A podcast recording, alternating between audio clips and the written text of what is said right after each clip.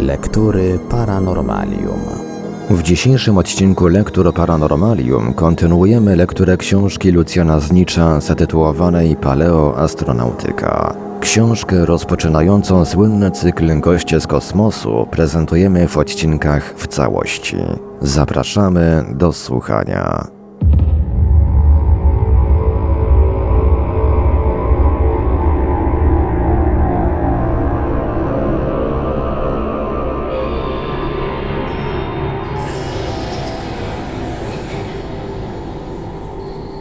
Chwiejne rusztowanie archeologii. Stosunkowo najwięcej sprzeczności wywołuje wśród archeologów doprawdy trudny do wytłumaczenia niezwykle wysoki poziom wiedzy geometrycznej i astronomicznej wśród przedstawicieli kultury megalitycznej. Czy rzeczywiście potrafili go oni osiągnąć o własnych siłach? Najlepszym dowodem ziemskiego pochodzenia osiągnięć tego typu jest kość z Ishango, twierdzi amerykański archeolog i dziennikarz Marszak. Kość tę o długości 9,6 metra odkryto dawno już temu w wykopaliskach rybackiej osady Ishango istniejącej przed 10,5 tysiącami lat nad Górnym Nilem. Na kości wycięte były kwarcem trzy grupy zakrzywionych nacięć rozmieszczone w trzech pionowych kolumnach. Kość służyła celom magicznym, orzekli odkrywcy i odłożyli wykopalisko do muzeum. Zawsze tak bywa. Gdy tylko nie potrafimy wytłumaczyć przeznaczenia jakiegokolwiek z zabytków archeologicznych, składa się je na karb magii. Jednakże Marszak po szczegółowym zbadaniu kości doszedł do wniosku, że była to notacja faz księżyca. Po tym pierwszym odkryciu przebadał on znajdujące się we francuskim Muzeum Starożytności Saint-Germain-en-Laye kości z wykopalisk z Dordogne. I te kości są to pozostałości kultury magdaleńskiej i solutryńskiej, a więc sięgające już do 32 tysięcy lat przed naszą erą, miały podobne znaki. Obserwacje astronomiczne ludzkości sięgały już więc w głąb 300 wieków. Co więcej, znaki takie znalazł Marszak niemal we wszystkich stanowiskach archeologicznych z tego okresu. W Hiszpanii i Czechosłowacji, w Bułgarii i na Syberii. Ostatnio zajął się już nawet fragmentem kości odkrytym przez profesora Borca, również pokrytym znakami, a pochodzącym z epoki środkowego paleolitu. Gdyby i tam Marszakowi udało się udowodnić nie magiczne, lecz kalendarzowo-astronomiczne przeznaczenie znaków, byłby to dowód stopniowego rozwoju astronomicznych zainteresowań ludzkości od prawdziwie zamierzchłej już przeszłości. Środkowy paleolit datowany jest od 100 tysięcy do 43,5 tysiąca lat przed naszą erą, aż do rzeczywiście zaskakującego ich wykwitu w kulturze megalitycznej.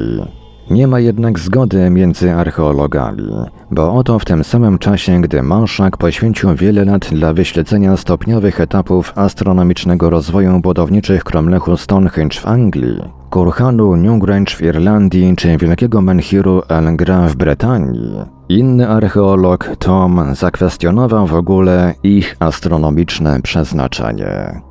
Cytat. Każdy, kto zobaczy Ergra, musi ulec oczarowaniu i zadać sobie pytanie, jakiemu celowi służyły te budowle.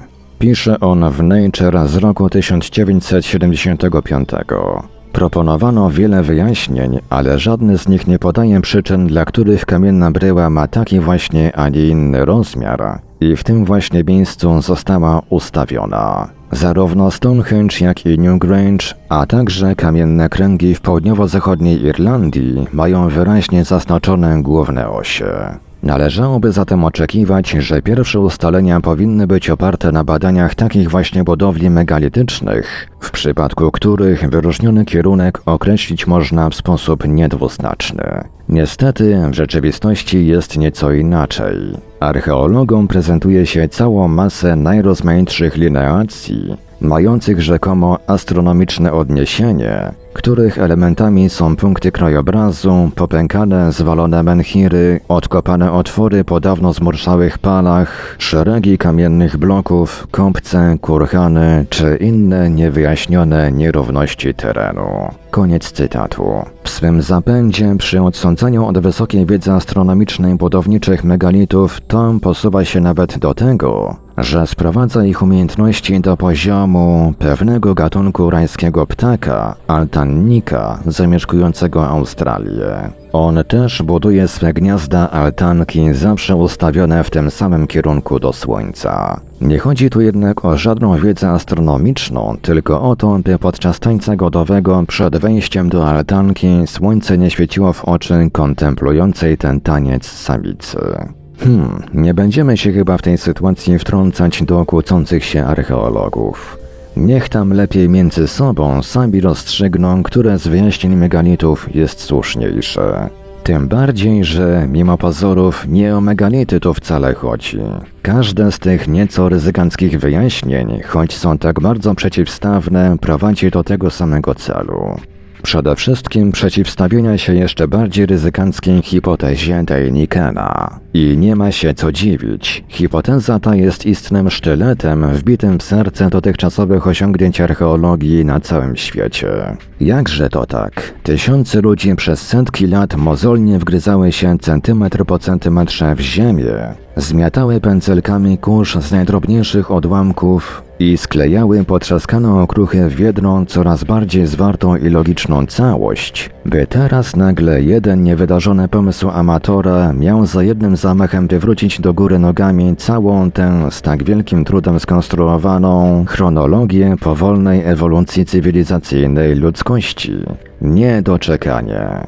Możemy archeologów i historyków pocieszyć. Dejniken nie jest dla nich poważnym przeciwnikiem.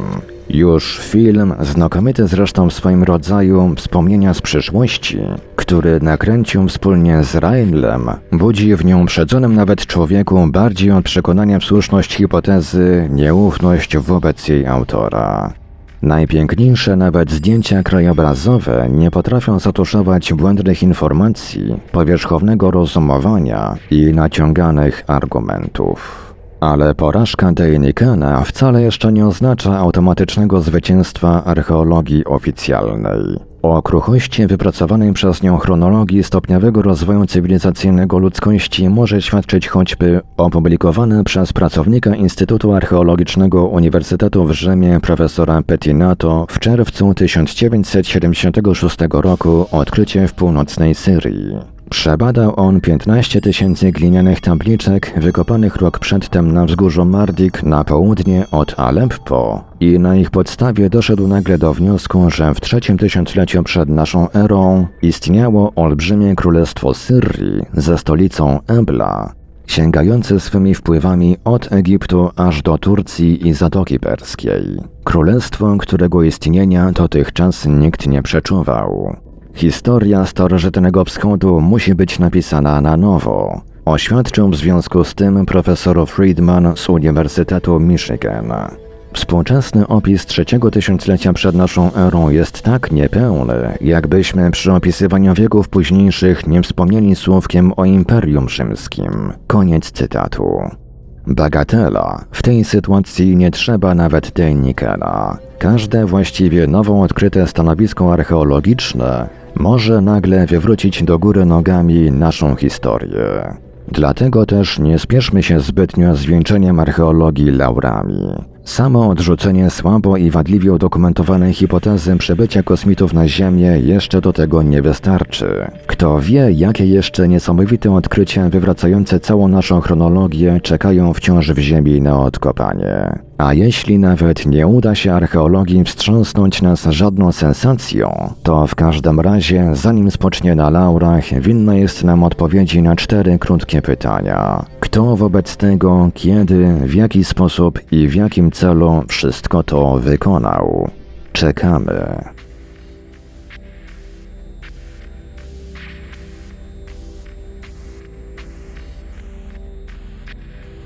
Co kryje symbolika drzewa Poznania? Wszyscy oczywiście znamy to niemal na pamięć. Rzekła niewiasta do węża, z owocu drzewa sadu tego pożywamy.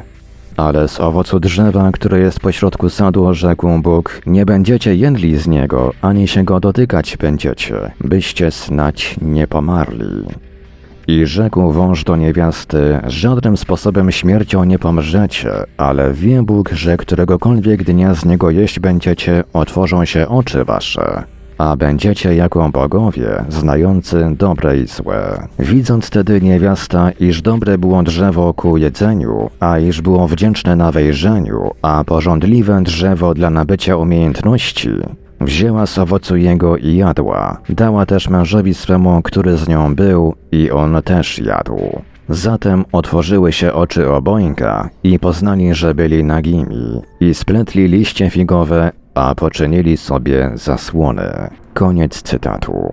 Na późniejszej interpretacji tzw. Tak grzechu pierworodnego zaważyło właśnie głównie ostatnie zdanie. Drzewo wiadomości złego i dobrego dało rzekomo Adamowi i Ewie tylko wiedzę w dziedzinie seksualnej. Nie jest to wprawdzie wiedza, którą należy lekceważyć, ale czy opłacało się ryzykować wygnanie z raju tylko po to, by odkryć swą wzajemną, choćby i najbardziej ponętną nagość? Ortodoksyjni interpretatorzy Biblii przeoczają jednak najczęściej bardzo interesującą obietnicę węża. Będziecie jako bogowie, znający dobre i złe, i nie mniej ciekawe stwierdzenie Ewy, że drzewo było porządliwe dla nabycia umiejętności.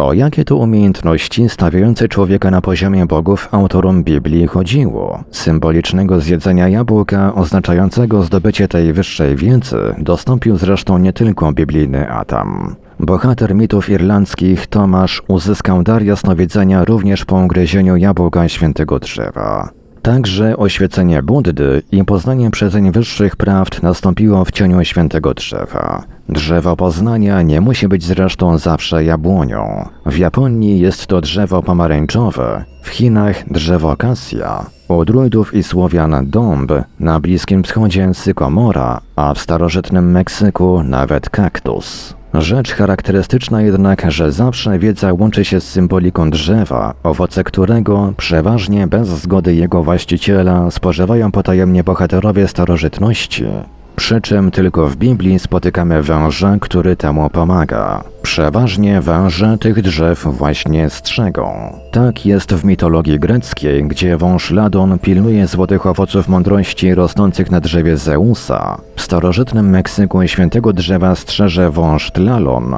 a również i źródła egipskie podają, iż na straży ksiąg zawierających magiczną wiedzę czuwał nieśmiertelny wąż. I tak mit o drzewie poznania przebija się w historii niemal wszystkich narodów świata, zawsze oznaczając niezwykły początek uzyskanej przez nie wyższej wiedzy. Wtedy rzekł Bóg, oto Adam stał się jako jeden z nas wiedzący dobre i złe. Teraz tedy wyżeńmy go, by snać nie ściągnął ręki swej i nie wziął z drzewa żywota i nie jadł i żyłby na wieki. Kończy mit o zdobyciu wiedzy przez człowieka Biblia. I wypuścił go Bóg z sadu Eden ku sprawowaniu ziemi, z której był wzięty. A tak wygnał człowieka. Owszem, wygnać Bogu człowieka z raju jeszcze się udało, odebrać jednak wiedzy już nie. A zdobyta w ten cudowny niemal sposób wiedza jest wręcz zastanawiająca. Czy za zawiłą, a tak powszechną symboliką drzewa poznania nie kryje się jakieś całkiem realne zdarzenie uzyskania przez Ziemię umiejętności, którymi dysponowali tylko pilnie strzegący swych tajemnic bogowie?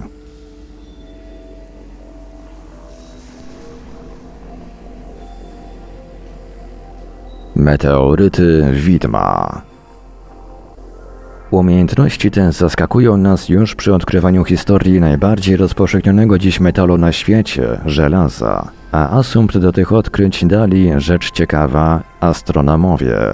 W roku 1940 pracownik dzisiejszego obserwatorium astronomicznego w Pulsnitz w NRD, Klassen, opracowując statystyczną ocenę 587 wymienionych w katalogu Wolfinga meteorytów, Zwrócił uwagę na dziwny fakt, iż w Starym Świecie Europa, Azja i północna część Afryki przeważają meteoryty kamienne, podczas gdy w Nowym Świecie, południe Afryki, Ameryka i Australia meteoryty żelazne. 17 lat po nim podobnych spostrzeżeń dokonał tym razem już wobec 1385 meteorytów Haida, a jeszcze 8 lat później, w roku 1965, tym razem w oparciu aż o 1644 zarejestrowane meteoryty, także Bożkę. Różnice były wręcz zaskakujące. W Australii na przykład na 109 zarejestrowanych meteorytów 40 stanowi kamienne, a 69 żelazne. W Ameryce znamy 400 meteorytów kamiennych i 426 żelaznych, ale już w Afryce traktowanej jako całość na 65 meteorytów kamiennych przypada 38 żelaznych, w Azji na 200 kamiennych tylko 54 żelazne, a w Europie na również 200 kamiennych zaledwie 52 żelazne. Czyżby kosmos w jakiś szczególny sposób obdzielał różne kontynenty naszego globu różnymi meteorytami? Przebadano współczesne informacje o spadających meteorytach i stwierdzono, że na wszystkich kontynentach proporcja jest mniej więcej jednakowa. Na każdy meteoryt żelazny przypada około 12 meteorytów kamiennych. Wynikałoby więc z tego, że szereg meteorytów, które już dotarły do naszej Ziemi, później z niej w jakiś tajemniczy sposób nagle wyparowuje. Jeżeli chodzi o zachwianie proporcji między meteorytami żelaznymi i kamiennymi, wytłumaczyć to udało się dosyć prosto. Meteoryty kamienne już ze swej natury trudniejsze są do odkrycia od żelaznych, a w dodatku trwająca przez tysiąclecia erozja całkowicie je upodabnia do kamieni ziemskich, albo i bez śladu roztapia w otaczającym gruncie. W ten sposób znaleziska meteorytowe Nowego Świata wyszły obronną ręką. Tym dziwniejsza jednak okazała się całkowicie różna proporcja meteorytów kamiennych i żelaznych w Starym Świecie. Wprawdzie tysiącletnia korozja wśród meteorytów żelaznych też sieje spustoszenie, ale przecież nie może działać kilkakrotnie szybciej w Azji i Europie niż w Ameryce i Australii. Jedynym czynnikiem, który może te różne proporcje usprawiedliwić, okazał się człowiek. W starych kulturalnych centrach Europy, Azji i Północnej Ameryki ludzie już w pierwotnych epokach zbierali zapewne żelazne meteoryty, aby wyrabiać z nich broń i narzędzia. Wysunął swą odważną hipotezę już w roku 1970 wspomniany astronom NRD Klassen. Niewykluczone, że liczne spośród znajdujących się w naszych muzeach okazy żelaznej broni wykonane zostały z metalu meteorytów. Koniec cytatu. I co do tego zgoda. Istotnie tylko hipoteza przejawiona od dziesiątków, a może i setek tysięcy lat działalności w tym względzie człowieka potrafi bez reszty wytłumaczyć zjawisko różnej ilości meteorytów na świecie. Ale pomyliłem się. Pozostaje jednak mała reszta. Wytłumaczenie, w jaki sposób człowiek pierwotny, z reguły otaczający religijną czcią spadłe z nieba meteoryty, odważył się przekuć je na własną broń. Kto go do tego ośmielił? Kto ujawnił technologię produkcji? I w jaki sposób można było w tamtych warunkach te olbrzymie bryły stopu żelazo niklowego przetopić i wykuć?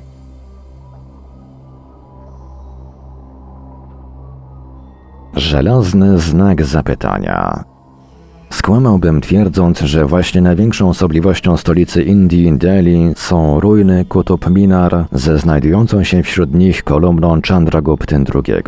Dla przeciętnego Europejczyka właściwie całe stare Delhi jest jedną nieustającą osobliwością. Tym niemniej nie ma żadnej wycieczki turystycznej, która w przepełnionym programie zwiedzania Delhi opuściłaby leżące już właściwie na przedmieściu stolicy resztki pierwszej muzułmańskiej budowli w Indiach Kutub Minar. Niewiele właściwie już dziś z niej zostało. Wciąż imponująca jeszcze wieża, szereg marmurowych kolumn otaczających pokryty kamiennymi płytami plac i stojąca pośród niego pojedyncza, raczej niepozorna kolumna żelazna. Ale właśnie to ona jest głównym obiektem zainteresowania wszystkich zwiedzających. Wieść po szerokim świecie niesie, że stanowi ona fragment statku kosmicznego. Nie wierzcie temu. Oglądałem ją z bliska, ba, sam rękoma ją obejmowałem.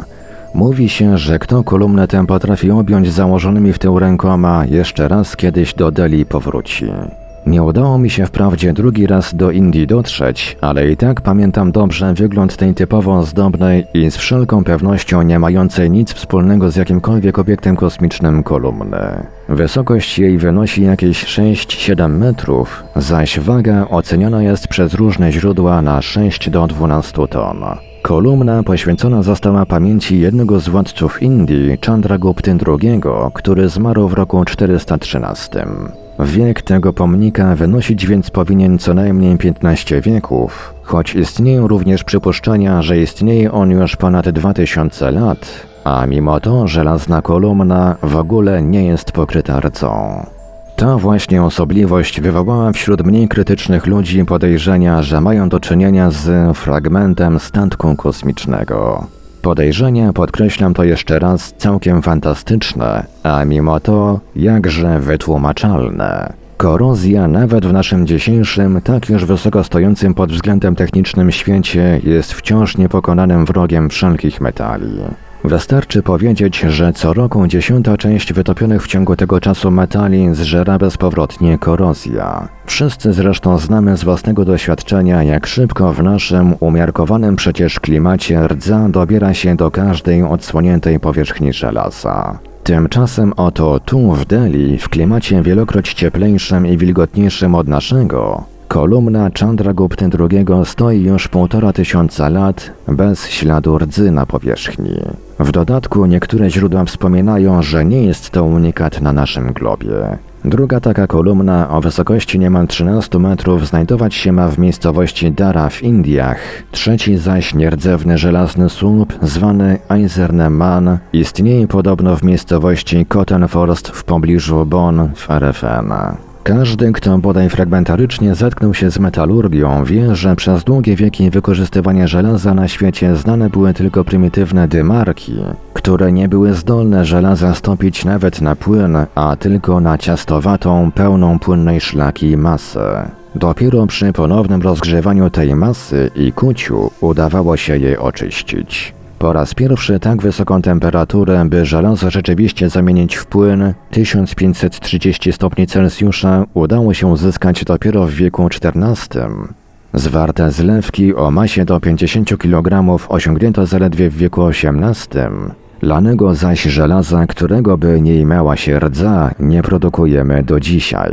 Tymczasem we wszystkich wypadkach tych dziwnych kolumn mamy do czynienia z tym samym niewytłumaczalnym zjawiskiem. Zostały one odlane przed tysiącleciem, waga ich wynosi wiele ton, a żelazo w ogóle jakby się nie utlenia. Jak można to wytłumaczyć? Jedynie zastosowaniem przez naszych odległych przodków tzw. Tak metalurgii spiekania proszków. Wyjaśnił w roku 1969 naukowiec radziecki Syrkin. Na pomysł ten wpadł w roku 1825 metalurg rosyjski Sobolewski.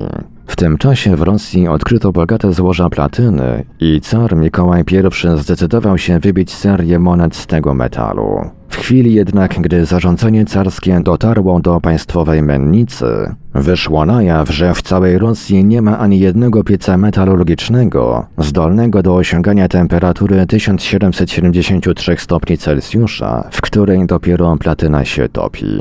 Wówczas właśnie w poszukiwaniu wyjścia z sytuacji Sobolewski temperaturę uzupełnił ciśnieniem. Okazało się, że porowata, przypominająca swą budową gąbkę platyna, poddana w formach odpowiedniemu ciśnieniu, już przy 1000 stopni Celsjusza stapiała się w jednolite monety, tak jakby odlewano je z płynnego metalu. Nie ulega kwestii, że taki właśnie sposób musieli zastosować również odlegli w czasie metalurgowie, by uzyskać swe potężne żelazne słupy. W ten sposób Syrkin sprytnie ominął niewątpliwie trudną do rozwiązania zagadkę uzyskania przez konstruktorów żelaznych kolumn niezmiernie wysokiej wówczas temperatury topnienia żelaza. To proste, kolumny nie były odlewane, lecz prasowane z gorącego porowatego żelaza.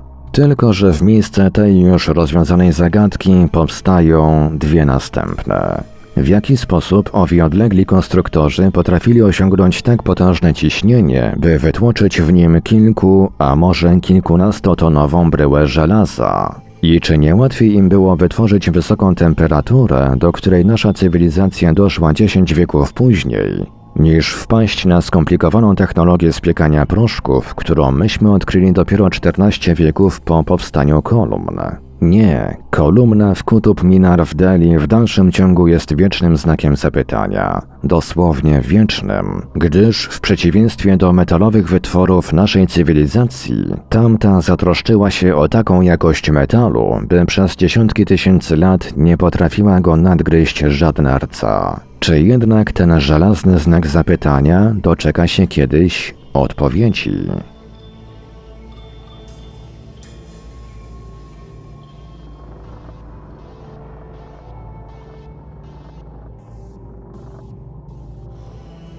Radiu Paranormalium zaprezentowaliśmy fragment książki Lucjana Znicza Paleoastronautyka. Dalszy ciąg w kolejnym odcinku Lektur Paranormalium. Archiwalne odcinki Lektur Paranormalium znajdziesz do pobrania w archiwum naszego radia na stronie www.paranormalium.pl.